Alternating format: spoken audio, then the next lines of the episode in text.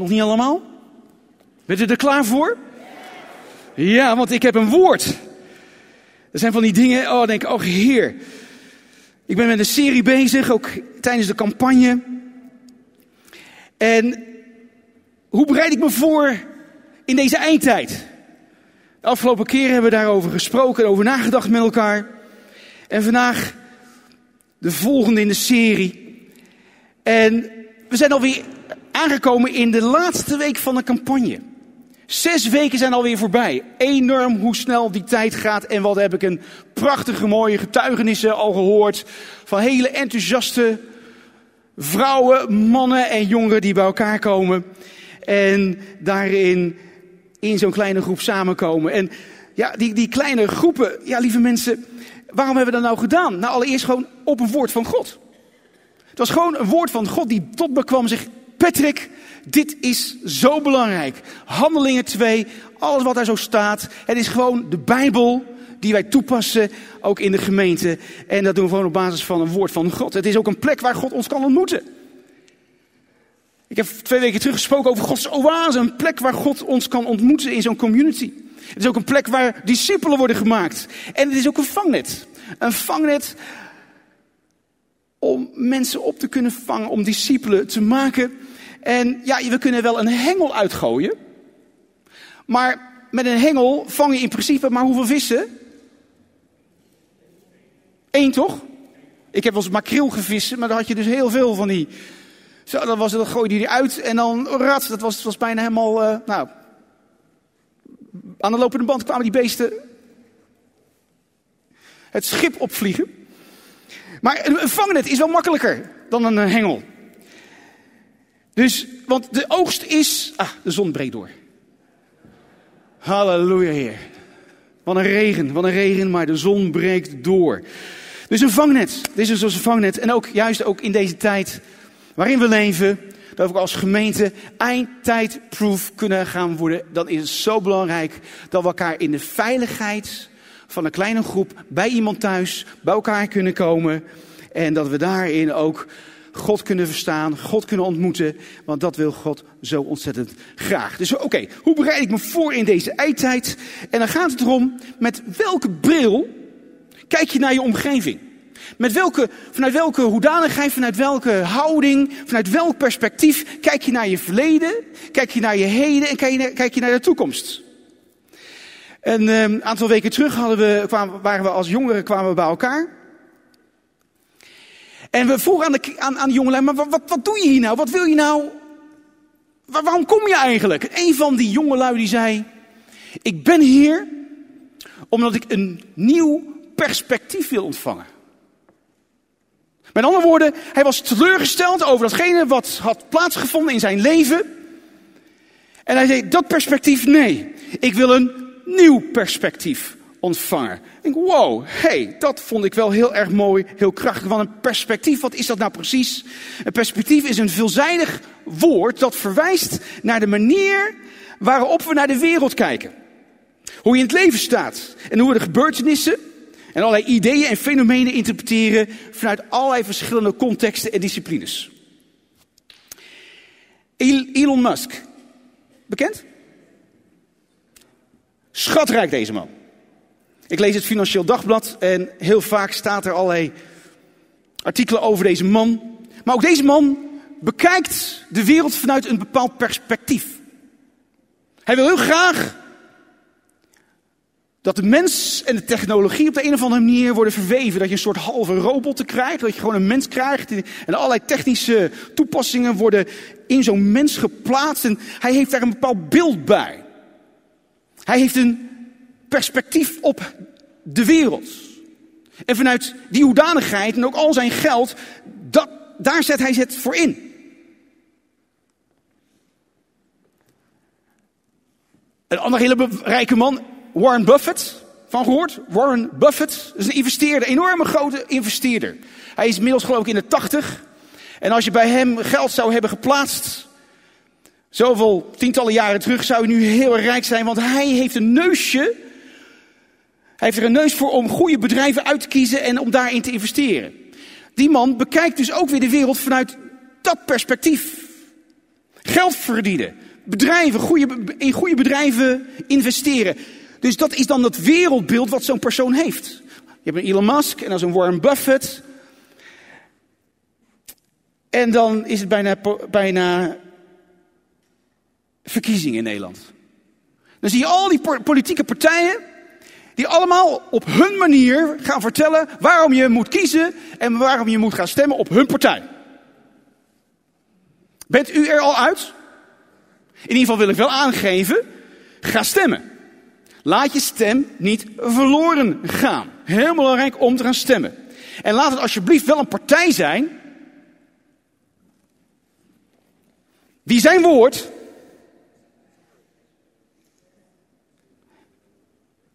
ja, zijn woord toepast.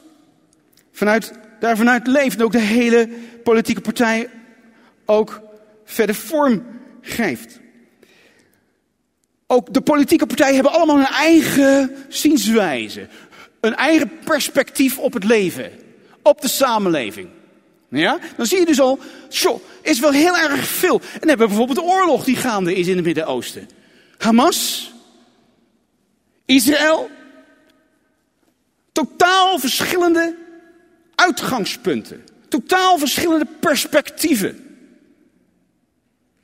Die komen er ook nooit uit. Dat gaat ook niet gebeuren. Waarom? Omdat wij kijken vanuit die geestelijke bril. Wij hebben zijn woord. Wij weten wat er gaande is. Wij zien ook dat er dus achter dat hele gebeuren van Hamas, daar is een geestelijke strijd gaande. Het is Satan zelf die probeert om totaal het hele Midden-Oosten, om heel Israël van de kaart te vegen, opdat zijn woord niet in vervulling kan gaan komen. En Hamas, dat is een Arabisch acroniem voor islamitische verzetsbeweging. En dat woord betekent in, in, in het Arabisch enthousiasme, vuur, fanatisme. Om er dan ook achter te komen dat in de Bijbel staat gewoon in het Hebreeuws het woordje Hamas. En wat betekent dat? Dat kan je opzoeken. Als je gewoon gaat googlen en je zoekt strong, de strong concordance. Het woordnummertje 2555. Als je dat gewoon opzoekt, dan, dan zie je dat woord naar voren komen. En dat betekent, de strong concordance, die geeft daar dan een uitleg aan. Hamas staat voor wreedheid. Het staat voor schade. Onwaar. Onrecht. Onderdrukker. Onrechtvaardig. Geweld tegen. In spreuken 4 wordt dit woord ook gewoon genoemd. Kom niet op het pad van goddelozen. Begeef je nou niet op de weg van kwaaddoeners. Verwerp die, ga die niet op. Wijk daarvan af en ga voorbij. Zij slapen immers niet als zij geen kwaad hebben gedaan. Zij worden van hun slaaf, slaap beroofd als zij niet iemand hebben laten struikelen. Want zij eten brood van goddeloosheid. En drinken wijn van Hamas. Zij drinken wijn van gewelddaden. 2 Samuel 22 vers 1. David sprak de woorden van het lied tot de Heer op de dag waarop de Heer hem gered had uit de hand van al zijn vijanden en uit de hand van Saul. Hij zei, de Heer is mijn rots. Hij is mijn burcht en mijn bevrijder, mijn God, mijn rots tot wie ik de toevlucht neem. Mijn schild en de hoorn van mijn huil, mijn veilige vesting, mijn toevlucht, mijn verlosser. Van Hamas hebt u mij verlost. Van geweld hebt u mij verlost. De Heer stelt goede mensen op de proef, maar hij haat mensen die van Hamas houden. Wow, het staat gewoon zo in de Bijbel. En dan is het op een gegeven moment de vraag: vanuit welk perspectief bezien wij de wereld? Want is dit glas nou half vol of half leeg? Heeft allemaal met een perspectief te maken. En ik wil met u meenemen, ik wil meenemen naar Handelingen 16. Handelingen 16. En dit is eigenlijk allemaal een voorbereiding voor de strakjes de hoofdpunten die ik met u wil neerzetten. Want strakjes als u naar huis gaat, wil ik u een handvat meegeven van hoe gedraag ik me nou dus in deze eindtijd? Wat dient nou mijn perspectief te zijn? Dit wil ik aan u meegeven strakjes als u naar huis gaat en van oké, nu kan ik daar veel beter ook mee omgaan met datgene wat er allemaal om me heen gebeurt. Laten we met elkaar opslaan handelingen, hoofdstuk 16. U kunt het meelezen op het scherm. En het gaat over Paulus en Silas. Een prachtig mooi verhaal. Waar gebeurt? Is even goed om weer te zeggen.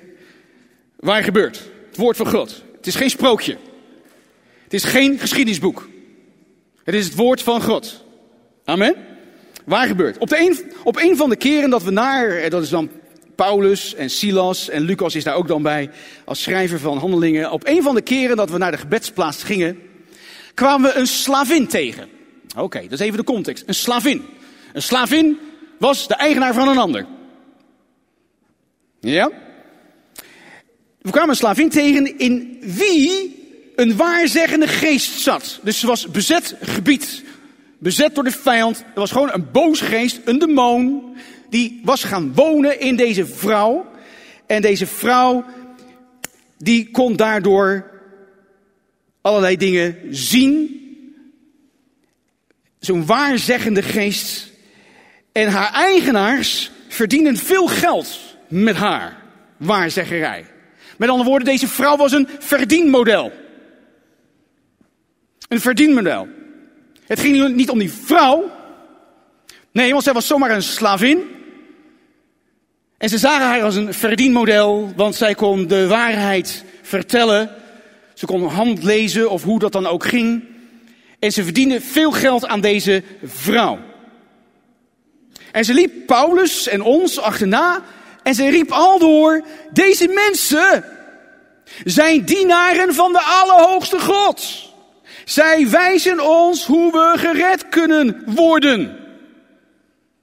Was dit waar? Hey, met andere woorden, blijkbaar kan dus ook een boze geest door iemand heen spreken en wel de waarheid spreken. Blijkbaar. Blijkbaar, want dit was de waarheid. Met andere woorden, vertrouw niet elke bron. Vertrouw niet elke bron. Want soms kan iemand prachtig alles vertellen.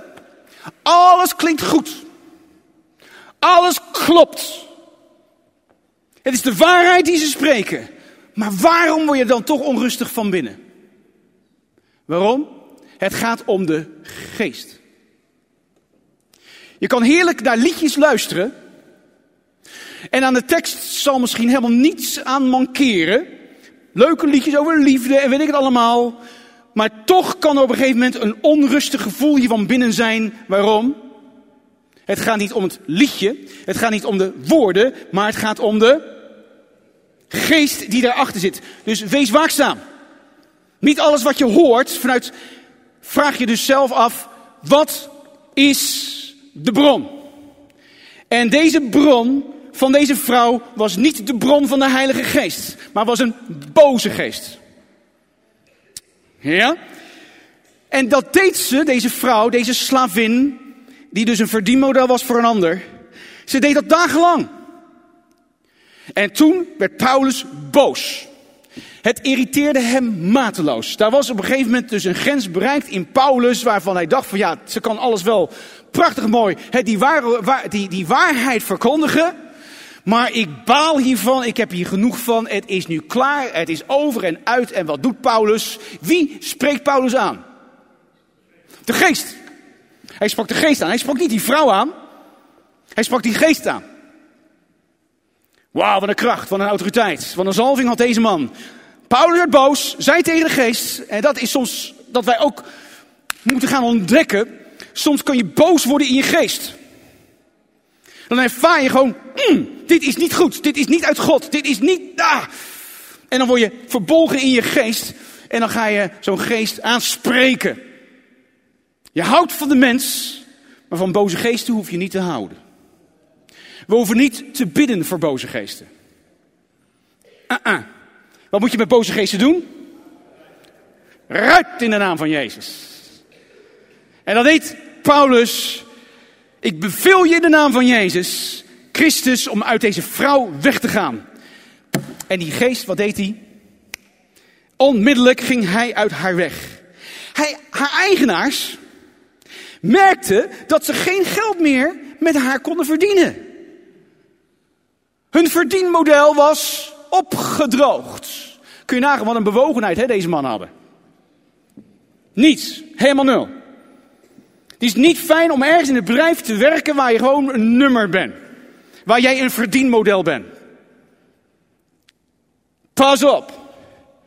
Pas op. Wees geen model, verdienmodel voor een ander. Wees geen slaaf van een ander. Amen? Dat is wel een les die we kunnen leren. Nee, nee, ik weet wie ik ben in Christus Jezus. Ik, ik, ik laat me niet als een slaaf behandelen. Ik, ik wil niet zomaar in dat bedrijf bezig zijn en, en, en dat een ander alleen maar gaat vertellen wat ik moet doen. En wat ik niet moet doen. En dan moet ik overwerken en ik word niet eens betaald en noem het allemaal op.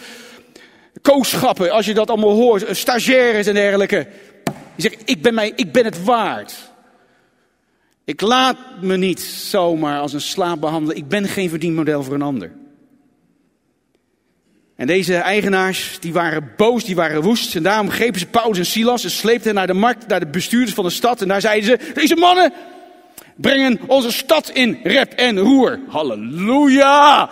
Oh Heer, dat wij een gemeente mogen zijn die de stad in rep en roer gaat zetten. Oh Heer, dat, oh ja Heer, dank u wel. Maar ja, wat gebeurt er dan? Want zij zijn Joden. Oeh. Oeh. Ziet u wat er wereldwijd gebeurt? Al die hakenkruizen. Al die Joodse sterren die op gebouwen worden geschilderd. Ziet u het allemaal gebeuren? We willen dit niet zien, hè? Maar het gebeurt wel. Daar is een shift bezig in de geestelijke wereld. De boze wordt, wordt, wordt, wordt zenuwachtig. Satan wordt, die wordt, die wordt zenuwachtig. Satan weet van oeh, oeh, want hij, hij, hij kent de Bijbel. Hij weet waar hij uiteindelijk gaat eindigen. En hij probeert zoveel mogelijk mensen mee te nemen. Antisemitisme, lieve mensen, dat is satanisch. Ze leren aan de mensen en dingen die wij als Romeinen niet mogen doen. Larikoek. Ook andere mensen stookten de bestuurders op en die scheurden Paulus en Silas toen de kleren van het lijf. Ze gaven hun zweepslagen. Nadat ze hen flink geslagen hadden, wat deden ze? Ze gooiden ze hen in de gevangenis. En ze zeiden tegen de bewaker dat hij hen goed moest bewaken. En daarom zette hij hen gevangen in de binnenste kerker. En maakte hun voeten vast in een blok. Het evangelie, lieve mensen, is niet goedkoop. Het is niet goedkoop. Maar toen het ongeveer middernacht was, baden Paulus en Silas en zongen ze lofliederen om God te prijzen. Wauw, wat een bikkels. Dit waren bikkels. Niet te filmen. Dan ben je geslagen, dan ben je in elkaar geslagen. Dan zit je met je, voeten in zo'n blok, in, een, in een diepe kerker, vochtig, nat, stinkt. Ratten. Kakkelakken, moet ik verder gaan? En daar zaten ze. Hun glas was half vol. Ze gingen God prijzen. Dan zie je van, oh, aanbidding is een levensstijl. Dat je in dat soort omstandigheden de moed hebt, de lef hebt, de, de, de, de overtuiging hebt om dan God groot te maken. Zo, ik vind ze echt, echt top. Echt geweldig. Provocerend, luid, overtuigend begonnen ze te zingen, begonnen ze te bidden. De A van aanbidding. Plotseling was er een zware aardbeving. Oeh, ik hou zo van dat woord plotseling, plotseling, plotseling, plotseling. Plotseling gaat God iets doen in jouw leven. Plotseling, plotseling. Was er een zware aardbeving. De hele gevangenis schudde. Alle deuren gingen open. De boeien van de gevangenen, meervoud, raakten, raakten los. De bewaker schrok wakker uit zijn slaap. Hij zag de deuren van de gevangenis openstaan. Hij greep zijn zwaard om zichzelf te doden, want hij dacht Daar heb je weer. Hij dacht dat alle gevangenen waren ontsnapt twee weken geleden.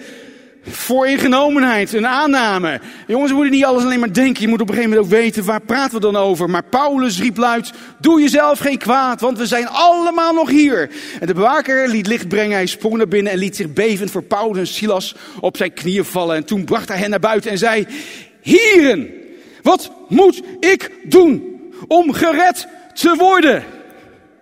Paulus antwoordde, geloof in de Heer Jezus. Dan zul je worden gered met iedereen die in je huis woont. En ze vertelde hem en alle mensen die in zijn huis wonen over de Heer Jezus. En ook al was het nog nacht, toch nam hij hen onmiddellijk mee om hun wonden schoon te wassen. Lees ik hier een B van barmhartigheid. En hij liet zich dopen. Wie wil zich laten dopen?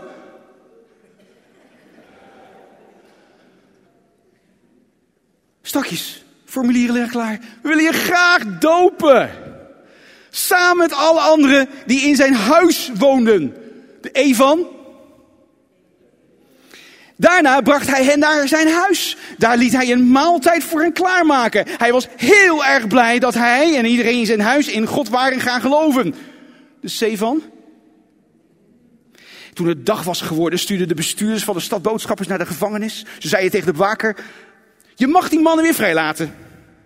De bewaker ging naar Paulus en zei: ehm, ehm, de, de, bestuurders van de stad hebben gezegd dat ik jullie mag uh, vrijlaten. Jullie kunnen dus gaan. Ik wens jullie het allerbeste. Maar Paulus antwoordde, doe even normaal. Zoiets, hè? zo lees ik dan in die tekst. Doe even normaal. Ben je nou helemaal? Ze hebben ons, ook al zijn wij Romeinen, zonder rechtspraak, in het openbaar zweepslagen gegeven en ons in de gevangenis gezet. Willen ze ons dan nu zomaar vrijlaten, zonder dat iemand weet? Ja, maar dat gaat zomaar niet. Wat een houding, hè? Wat een houding.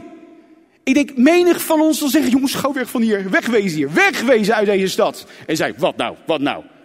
Wij weten wie wij zijn. Wij, zijn, wij, weten wie we zijn. We zijn ook nog eens Romeinen. Wij komen op voor onze rechten. En toen die hoorden dat zij Romeinen waren, schrokken ze, die bestuurders. Ze kwamen zelf naar de gevangenis, brachten Paulus en Silas naar buiten en vroegen hun uit de stad te vertrekken. Maar Paulus en Silas gingen eerst naar Lydia.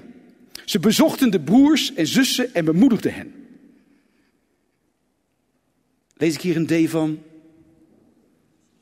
Ja.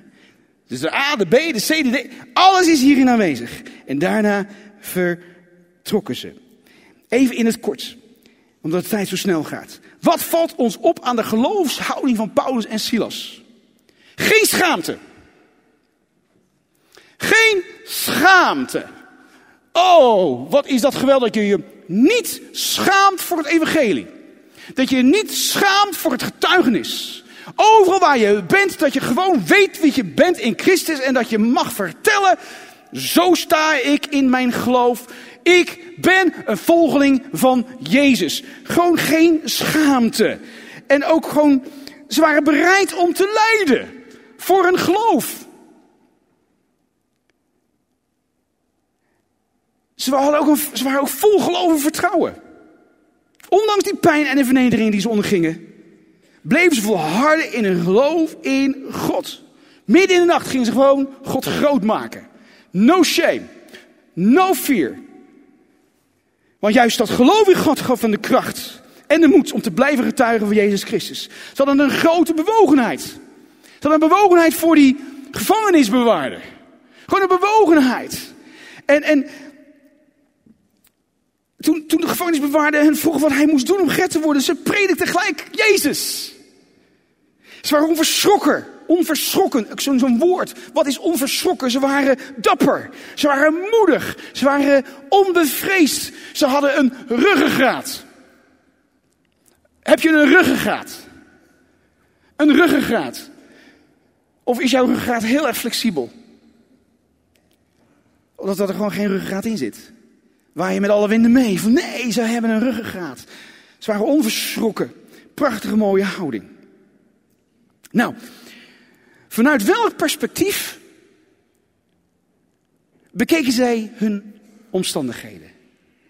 En daarin zie je gewoon dat hele, hele evangelisatie, want dat is de laatste week van de campagne, de E van evangelisatie, dan merk je gewoon, dit is een enorm, dit is een levensstijl. Het is niet zomaar even op de hoek van de straat eventjes roepen dat Jezus leeft. Het is een levensstijl dat in de haarvaten van, hun, van je bestaan is doordrongen. Het evangelie. Ik heb een foto. Ik heb een foto. Want soms dan heb je, om een goed perspectief te hebben, heb je een zo breed mogelijk plaatje nodig. Wat, wat is dit? Wie kan dit zien? Wat, wat zal het zijn? Ik hoor het niet. Een auto, een auto, een auto. Ja, dit is een auto. Klopt hè? Dat is een auto.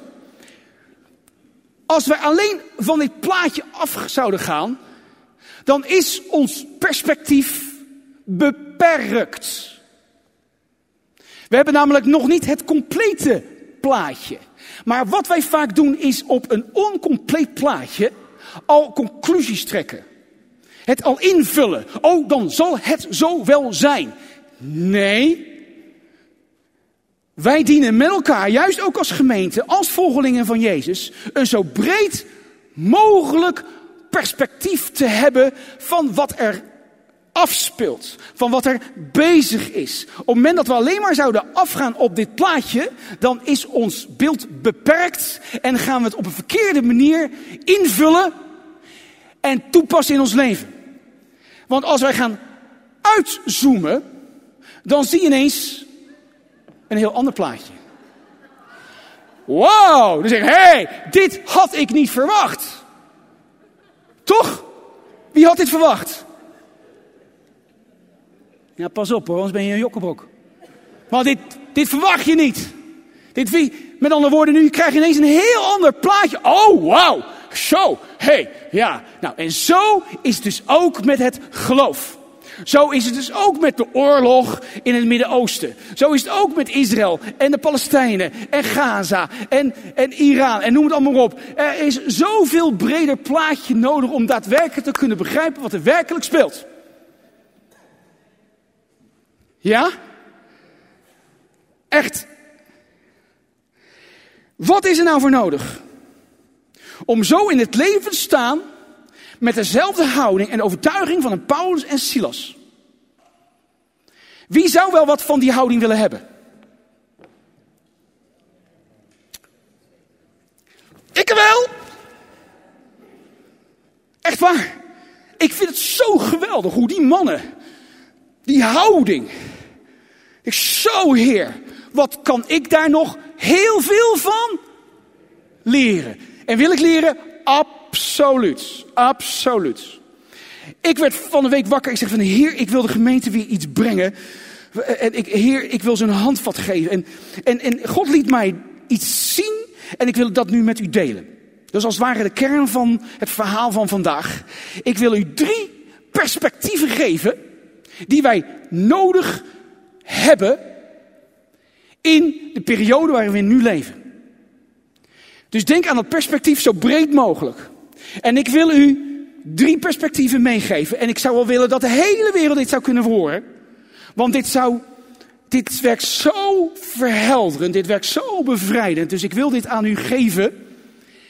Deze drie perspectieven. Wat is het eerste perspectief wat wij nodig hebben in de tijd waarin we nu leven? Ik heb net allemaal namen genoemd, die allemaal vanuit hun perspectief de wereld bekijken. Die op hun manier een wereldbeeld hebben. Oké, het eerste perspectief wat wij nodig hebben is een bijbels perspectief. Nou klinkt, ja, dat is wel logisch. Alles, maar dan ook alles, zal teruggebracht dient te worden naar wat zegt het woord? Wat zegt het woord? Dit is een vreselijk belangrijk fundament van je leven. Als je de Bijbel niet als perspectief hebt, Op het moment dat je naar het nieuws kijkt, op het moment dat je werkt, op het moment dat je ergens in de straat bent met je familie, als je dit niet als fundament hebt vanuit dit perspectief, dan ga je langzaam maar zeker voor gaas.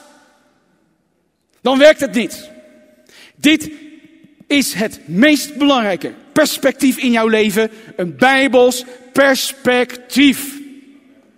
Zo niet, leugen komt binnen in je leven. Echt waar. En ik heb de verantwoordelijkheid om u te mogen vertellen, dit is het woord van God. Dit is het woord van God. En alles wat wij meemaken, wat wij zien en wat wij proeven en wat wij denken, terug te herleiden naar, maar wat zegt nou het woord? En wat zegt het woord? Ik heb een aantal kernpunten opgenoemd. Die ziet u ook op het scherm. God is een schepper. Genesis. God schiep de hemel en aarde. Daar is niet een bing bang. Ja, toen God sprak, wat, wat een knal. Sure. Maar God is een schepper. Hij is een creator. Hij heeft alles uitgedacht. Alles zit zo verschrikkelijk mooi in elkaar. God is een schepper. Zon. Licht, lucht, land, zon, maan, sterren. Vissen, vogels, landdieren, mens, die hele schepping. God heeft dat gemaakt. En, en, en daar is een bedoeling achter alles. Niks is zomaar toeval. God heeft alles uitgedacht. God is een schepper. Zonder verlossing is ook zo'n belangrijk onderdeel van dat woord van God. Zonder verlossing. De Bijbel leert dat de mensheid door zonde van God is afgedwaald. Dat moeten we erkennen. Wij als mens zijn niet goed. Daar is een zonde in ons leven binnengekomen. Een zondige natuur. En als je daar nog aan twijfelt, als u kleine kinderen hebt, dan weet u wat ik bedoel. Er zit een zondige natuur in. En vanuit dit perspectief is de hele wereld getekend door zonde en morele gebrokenheid. Maar tegelijkertijd biedt de Bijbel de boodschap van verlossing door Jezus Christus. Datzelfde woord. De Zoon van God die stierf voor de zonde van de mensheid en redding mogelijk maakte. En daarnaast ook, de Bijbel leert ons allerlei ethische, morele principes. Hoe je dus met elkaar om dient te gaan. Omgangsvormen. De Oude Testament, de tien geboden. Al die regels, dat waren ook om de mensen te beschermen. Het is niet een vingertje wat God gaf. Maar hij gaf die tien geboden om ons te beschermen. Opdat wij zouden blijven in datgene zoals God dat heeft bedoeld. Zoals hij het heeft bedoeld. De initiële bedoeling. En in het Nieuwe Testament leren we ook liefde voor God en de naaste. Barmhartig en rechtvaardig zijn. Andere centrale morele waarden. Hij antwoordde in Matthäus 22. Heb de Heer uw God lief. Dat is als het ware de samenvatting van het hele Oude Testament. Heb de Heer je God lief. Met een klein deel van je hart. Nee, heb de Heer God lief met je hele hart, met je hele ziel en met heel je verstand. Dus top, van top tot teen. Dat is het grootste en ook eerste gebod. Het tweede is daar gelijk. Heb je naaste lief als jezelf. En vervolgens leert dat woord van God ons ook dat er een levensdoel is. Een betekenis. Het leven heeft een diepere betekenis. Wij worden aangemoedigd om God te dienen. In elk mens zit daar zo'n vacuüm wat gevuld kan worden alleen maar door de geest van God. En als het niet gevuld is met de geest van God, ga je er naar op zoek. En je kan dat vullen met allerlei, allerlei, allerlei zaken. Maar dat kan niet, want dat is specifiek bestemd voor de Heilige Geest. En ook de Bijbel leert ons vertrouwen te hebben in goddelijke leiding en ingrijpen. Het Bijbelse perspectief moedigt ons aan om te vertrouwen op Gods leiding. God wil zo graag de regie nemen in jouw leven. Hij wil het zo graag voor het zeggen hebben. Hij wil zo graag tegen jou zeggen: Ja, maar lieve schat, ik heb over jou nagedacht. Je bent geen ongelukje. Ik, ik weet precies wat ik voor je heb bedoeld. Maar wil jij dat? Wil jij werkelijk tot je bestemming komen? Wil je dat werkelijk? Want ik heb een plan met jouw leven. En ik heb het beste met jou voor. Ik heb je een hoopvolle toekomst gegeven. Omarm dat. dat is ook dus dat Bijbelse perspectief dat wij zeggen, ja Heer dank u wel, u heeft een plan met mijn leven. Ik ben geen ongelukje. Zeg maar tegen jezelf, ik ben geen ongelukje. Ik ben bedoeld. God heeft over mij nagedacht. God heeft mij bedacht. Voor de grondlegging van de wereld was ik al in zijn gedachten. En waar kun je dat vinden? In Psalm? Psalm 139. Oké, dit hebben we als fundament. Bij ons perspectief. Amen. Altijd weer terug naar wat zegt het? Tweede perspectief. En dat is het koninkrijksperspectief. God is een koning. Hij is een koning. En God is soeverein. God is soeverein. Hij wordt gezien als de opperste autoriteit die heerst over de wereldgeschiedenis en de gebeurtenissen in de wereld. Hij is de koning der koningen. Hij als koning heeft het laatste woord. Hij is soeverein. Met andere woorden, God is op dit moment absoluut niet zenuwachtig. Hij is niet zenuwachtig. Hij, hij denkt niet zo van, oh, oh, oh, oh, oh, oh, oh, dan wordt het wel heel erg spannend daar beneden. Nee, God is actief betrokken in de wereldgeschiedenis. Hij is actief betrokken in de toekomst. Hij is actief betrokken in jouw leven. Niet alleen dat hele grote verhaal, maar hij bekommert zich ook om jouw persoonlijke zorgen. Hij is zo betrokken. Dat is God. Hij kan dat. Hij kan dat. God is soeverein. En dat God zich zou terug hebben getrokken ergens in de hemel en ons een, een beetje laat, laat om dan uiteindelijk terug te komen? Nee. God is actief, persoonlijk betrokken in datgene wat er wereldwijd gebeurt. Daarom hoeven wij ons ook geen zorgen te maken. Want wij weten wat God uiteindelijk ook in zijn woord gaat doen. Daar is een verwachting van het koninkrijk. Al een aantal weken terug ook heb ik gesproken over de vijf maagden. De, de dwaze en de domme. De dwaze en de, en de slimme, sorry. De dwaze en de domme. Dat was dubbelop. Oh, maar waren, wat waren ze dwaas en wat waren ze dom? Yes. Maar we willen wijs zijn. We willen wijs zijn. Toch? Ik wil chockvol olie zijn. Toch? Ik wil overstromen. Niet, niet, dat kleine beetje. Nee, de volheid. Ga mij voor volheid. Nou, niet iedereen geloof ik. Oké. Oké, oké, oké. Dat zijn apocalyptische elementen. Dat, daar is die eindtijd.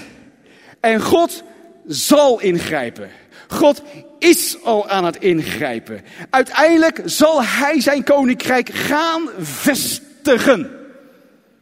Er gaat een nieuwe hemel en een nieuwe aarde komen. Hoe weten we dat?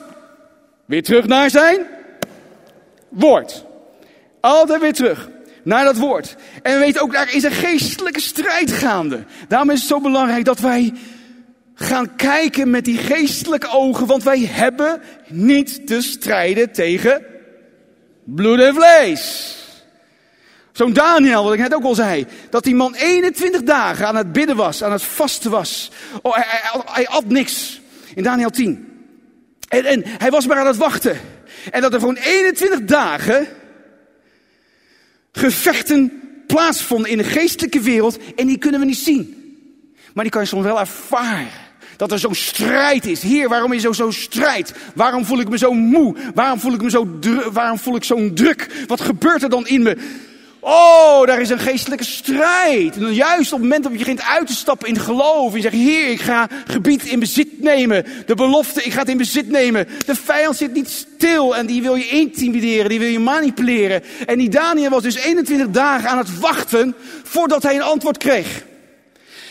En wie zat er in de weg? Welke prins? De prins van? En wat is Perzië? Toen ook al, hè? Want die geest is nog steeds hetzelfde. Mm, dank u wel, Heer. Voor overwinning. Halleluja, Jezus. Onze identiteit, ook dat koninkrijk. Wij zijn prinsen en prinsessen. Dit is wie we zijn. Wij zijn de zonen en dochters van de Allerhoogste God. Halleluja. Zo mogen we ons ook gedragen. Niet met een arrogante face. Nee, wij zijn gewoon, wij weten wie we zijn. Ik, Christus Jezus. Ik weet wie ik ben. Halleluja. Ik ben een zoon van de Allerhoogste God. En, en dat, moet, dat, moet, dat moet dalen. Dat, is, dat, is, dat moet dalen. Dat moet op de een of andere manier deel van je gaan worden. Want, oh, dat pakken, dat is niet makkelijk. Maar elke keer weer opnieuw. Maar heer, dank u wel. Ik ben een zoon. Heer, als je naar me kijkt, ik ben een zoon. Ik ben een zoon. Ik ben een zoon van de Allerhoogste God. Zeg dat maar gewoon tegen jezelf. Ik ben een dochter, ik ben een zoon. Dus gewoon een zoon of een dochter. Meer smaken zijn er niet.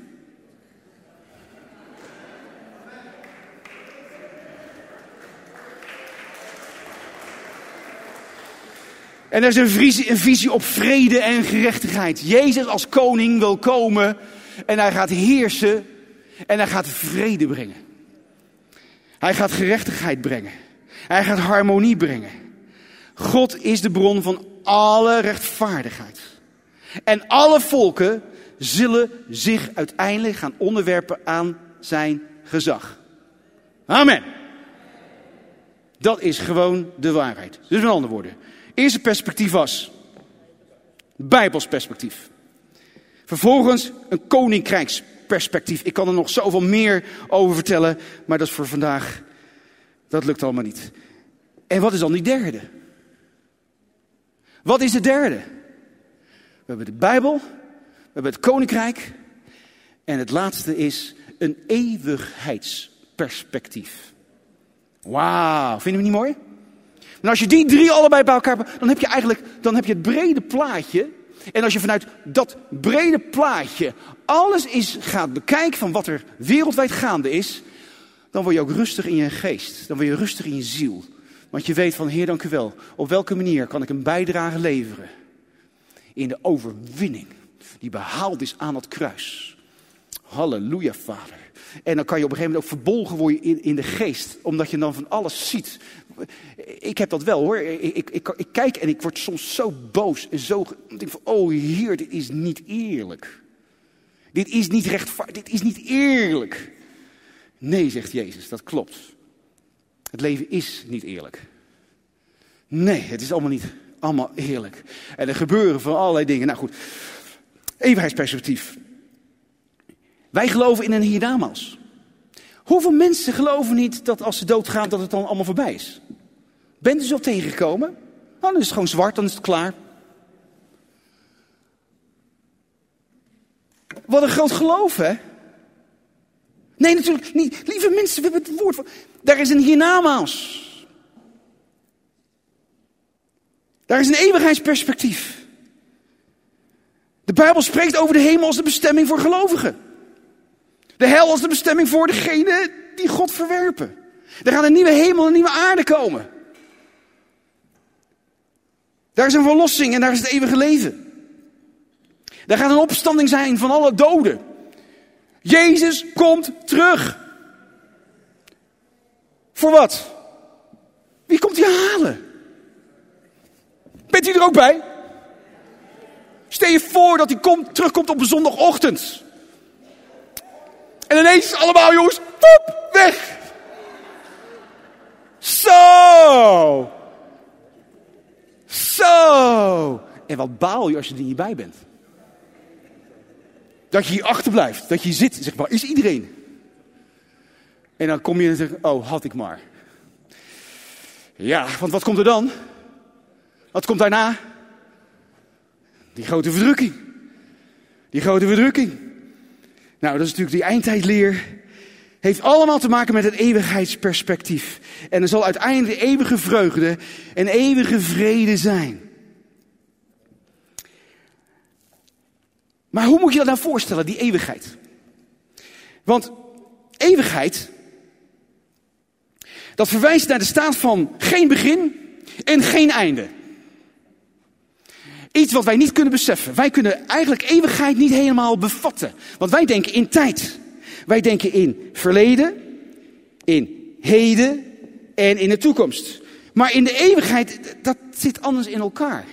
Want God is zowel aan het begin, alfa, en hij is ook gelijk aan het eind. Dus hij kan op dit moment gelijk aan het begin van jouw leven staan, bij jouw geboorte. En hij is op hetzelfde moment ook weer bij jouw sterven. Eh, dat is iets wat wij allemaal niet kunnen begrijpen. Wij kunnen nauwelijks een voorstelling maken van wat eeuwigheid dan precies inhoudt. We gaan op een gegeven moment strakjes door die poort van de eeuwigheid. En we weten dat ook strakjes, als, we, als Jezus daadwerkelijk ook terugkomt en dan komt een nieuwe hemel en een nieuwe aarde, dan is er geen pijn meer, dan is er geen verdriet meer. Oh, wat zien we daar enorm naar uit. Amen. Want Satan zal gebonden worden. Voor duizend jaar.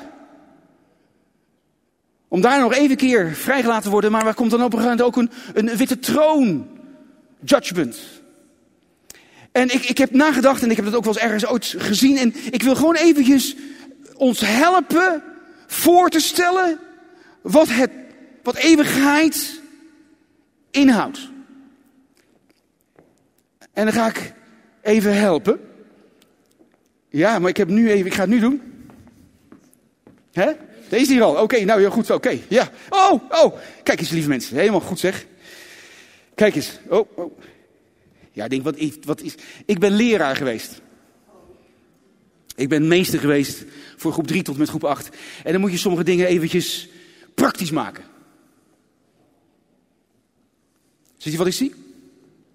Voor de mensen thuis, kijk eens. Gewoon een rolletje. Stel nou eens voor dat dit uw leven voorstelt. Dit stelt uw leven voor. Uw begin, uw geboorte en het eind. En stel je nou voor, we hebben met iemand te maken die. Uh, nou, hoeveel, hoeveel jaar zal hem geven?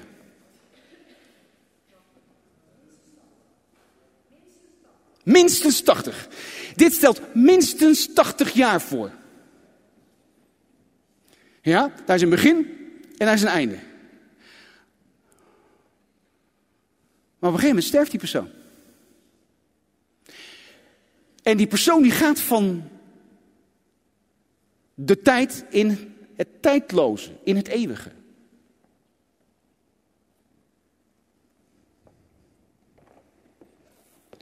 Eeuwig, hè? Dus, dus wij hebben dit stukje. Wat maken we ons druk? Wat maken we ons zorgen? En hoe moet dat nou? En mijn baan en geen huis en... En dan gaan we dat vergelijken met de eeuwigheid. Wat zijn wij dan bekrompen bezig? Vindt u niet? Even kijken hoor. Het is wel lang hè? Eeuwigheid. Dus dit is minstens 80 jaar. Oh, wauw. hey. Eeuwigheid. Tijd. Met andere woorden, dit gaan wij dus allemaal nog krijgen. Iedereen van ons heeft eeuwig leven. Iedereen. Maar waar ga je die eeuwigheid doorbrengen? Even kijken hoor. Misschien moet je een beetje helpen, Lida. Kan je hem vasthouden, zo een beetje zo? zo? Niet, niet, ja, ik moet wel kunnen blijven trekken. Zo, doe je hem zo, kijk zo, door je vinger, zo.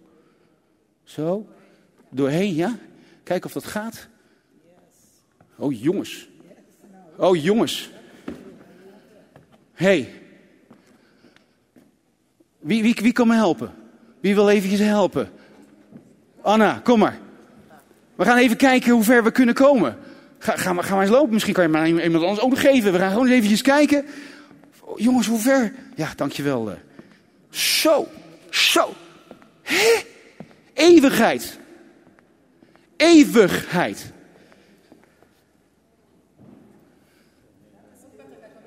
Hij is, hij is wel heel lang, hè? Wow! Hé hey jongens, waar is die nou? Helemaal achteraan. Zie je dat kleine stukje leven en dan, dit gaat allemaal nog komen. komen. Oh, dit is, dit is, dit is, dit is glorie, dit is glorie.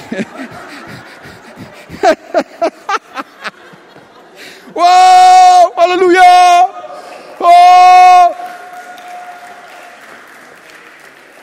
Laten we maar stoppen. Oh, oh, oh, kijk, daar komt eraan. Ze is bijna door. Kom maar, kom maar. Het gaat goed. Kom. Ja, jongens, dit is oneindig, hè? Oh, ik ga helemaal daarheen. Oh, oh, ja, kom maar. Kom maar. Help haar een beetje, jongens. Help haar een beetje. Help haar eventjes. Ja, jongens, we kunnen gewoon doorgaan. hey, weet, je, weet je wat we doen? We gaan naar buiten. Anna, kom eens. Kom eens, kom eens, kijk eens. Laten we even een applausje geven. Oh! Heel goed. Dit is dus ons leven. Ja, amen. En dit. Ja, allemaal. En wat is dat dan? Dat is nou de eeuwigheid. Met andere woorden, wat kunnen wij ons druk maken? En het bijzondere is dat wij ook in deze tijd moeten gaan kiezen waar wij dit gaan doorbrengen. En daarom is het zo belangrijk dat wij met elkaar de juiste keuzes maken. Zeggen van Heer, ik wil, ik wil in dit leven de juiste keuzes maken. Want ik wil de eeuwigheid bij u doorbrengen. Want strakjes, dit is zo voorbij.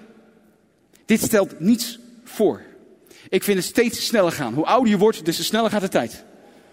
Het idee dat ik vorige week, zondag, ik denk, oh, alweer een week voorbij. Hoe ouder je wordt, hoe sneller gaat de tijd. Kijk, als je 12 bent, dan denk je, oh, ik dat ik 16 was. Nou, dat gaat vanzelf.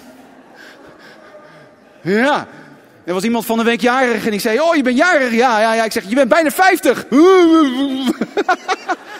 We willen op een gegeven moment niet meer ouder worden. Want we zitten zo vast aan dat. Maar niet weten en realiseren, jongens, dit zit er allemaal achter. Dit gaat er allemaal komen. Dit gaan wij meemaken. Met onze Heer Jezus Christus. Want Hij is onze verlosser. Hij is onze bevrijder. Halleluja! Zullen we gaan staan met elkaar en hebben een geweldig klap vergeven? Gaan we staan met elkaar en hem eren en hem glorie geven. Laten we gewoon met elkaar staan en hem een klap vergeven. Halleluja, Jezus. Dank u wel, Vader. Dank u wel. Dank u wel, Jezus. Oh, dank u wel, Jezus. Oh, en wie is hier vandaag? Wie is hier vandaag? En je zit hier, blijf maar lekker allemaal staan. Wie is hier en je hebt nog niet die zekerheid waar je de eeuwigheid gaat doorbrengen? Aan jou de keuze. Aan jou de keuze vandaag om een besluit te nemen. Zeg ja, ik wil die eeuwigheid wil ik, wil ik gaan doorbrengen. In de tegenwoordigheid van God. Wie twijfelt? Wie twijfelt eraan? Want het enige, en we hebben dat gelezen, is ontmoet Jezus. Geloof in Jezus, dat Hij voor jouw zonde is gestorven. En als je die keuze nog niet bewust gemaakt hebt, wil ik je vragen, kom naar voren. Kom even naar voren of steek even je hand omhoog. Misschien is dat wat veiliger voor je. Laat even je zien. Laat even horen. Is er iemand die twijfelt aan zijn behouden? Zegt ja, maar ik wil, ik wil die zekerheid. Ik wil die zekerheid. Is er iemand? Steek even je hand omhoog. Zodat we kunnen zien. Is er iemand die zegt ja, ik wil zo graag Jezus leren kennen. De eeuwigheid. Is iedereen behouden? Is iedereen behouden? Hebben wij hier wat aan, lieve mensen? Dit helpt, hè? Om gewoon weer even alles in perspectief, daar heb je dat woord weer. Alles in perspectief te zien. En wat hebben we nodig? Welke drie hebben we nodig? Eén is Bijbels perspectief. Twee is het koninkrijksperspectief. En als derde en laatste het. Oh, halleluja! Yes, yes. Heel erg goed. Heel erg goed. Ja, dankjewel Anna. Even een applaus ook voor Anna. Je hebt super geholpen. En alle andere mensen die geholpen hebben. Geweldig. Nou, gaan we kijken straks hoe we dat gaan oplossen. Heer, dank u wel. Dat is onze God. Dat is onze Heer. Hij houdt zo vreselijk veel van ons. Er is hoop. Lieve mensen, we gaan heerlijk de Heer groot maken nog met een lied. Dus ik wil vragen aan Jos en de band om naar voren te komen. En uh, volgens mij was I, I Speak Jesus, was dat degene die als laatste ook stond vermeld. Ja, pas op, want je stapt nu over de eeuwigheid. Ja, ja, ja.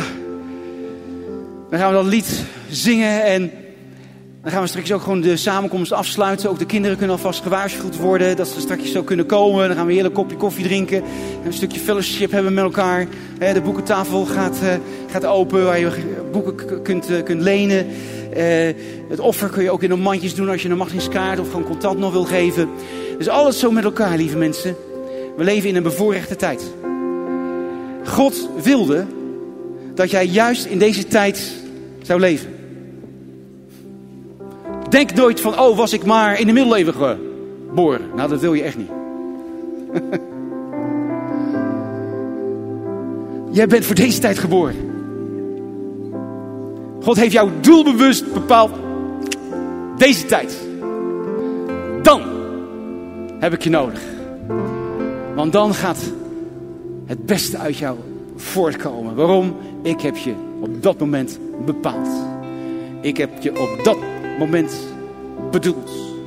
Jij bent hier niet zomaar. En strakjes mogen we uitkijken naar die geweldige eeuwigheid. Oh, wat zien we daar naar uit? Geen pijn. Geen verdriet. Geen dood. Geen pijnlijke gewrichten meer. Geen blindheid. Geen hoofdpijnen meer. Niets van dat alles. Geen kanker meer. Je zal nooit bestraald hoeven te worden. Alle doktoren zijn werkloos in de hemel. Er zijn geen begrafenisondernemers meer nodig in de hemel.